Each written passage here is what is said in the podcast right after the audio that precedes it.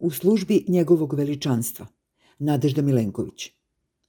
U nedelji u kojoj je otišao prvi filmski James Bond, premijerka nas je obavestila da će preuzeti njegovu ulogu. Radije će, kako je rekla, braniti predsednika Srbije nego raditi svoj posao. Od čega premijerka želi da sačuva predsednika države? Od dehumanizacije i kriminalizacije koja se navodno dešava na svim medijima. Ali šta će da radi kada predsednik države sam sebe javno dehumanizuje? Kada sam za sebe kaže da je žvalavi, peder, picousti, tim rečima i tim redosledom, kao što je sada uradio i na crnogorskoj televiziji.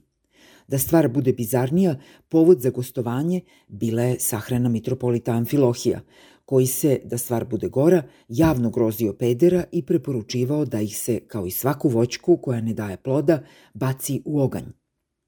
Nekako u isto vreme i narodni poslanici su identifikovali svoje narodne neprijatelje. Nakon prvog i za sada jedinog disonantnog tona u skupštinskom horu, poslanici su uspeli da na prste izbroje opoziciju u skupštini. 007. Otprilike toliko i neuvlakačkih medija među svim televizijama, nedeljnicima, dnevnim novinama i portalima. Pa zašto se onda premijerka, iako obaveštena sa najvišeg mesta, Ne, Skupština je najviše mesto, ma šta vi mislili, da ima samo sedam poslanika koji nisu u vlasti i maltene isto toliko medija koji nisu u vlasti, svejedno svečano zaklela pred kamerama da će ako treba, a ne treba da bira hoće li da radi svoj posao ili će da radi ono što i nije posao, zaštita predsednika države joj nije posao, radije čuvati predsednika države nego raditi svoj posao. I od koga će narodni poslanici da brane predsednika države?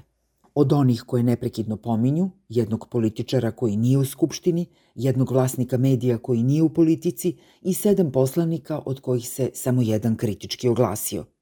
Šta će da kaže tih 243 poslanika? Da li su oni gorštaci i da može biti samo jedan, pa će zato da ocecaju glave svakome ko ne podržava predsednika Srbije? Srećom pa je sam predsednik Srbije skromniji u javnim nastupima. Nije, na primjer, rekao kao njegov odskorašnji prijatelj Trump da ako ga ne izaberemo, deca neće ići u školu, ljudi se neće venčavati, neće biti čak ni Božića. No, nikad ne reci nikad.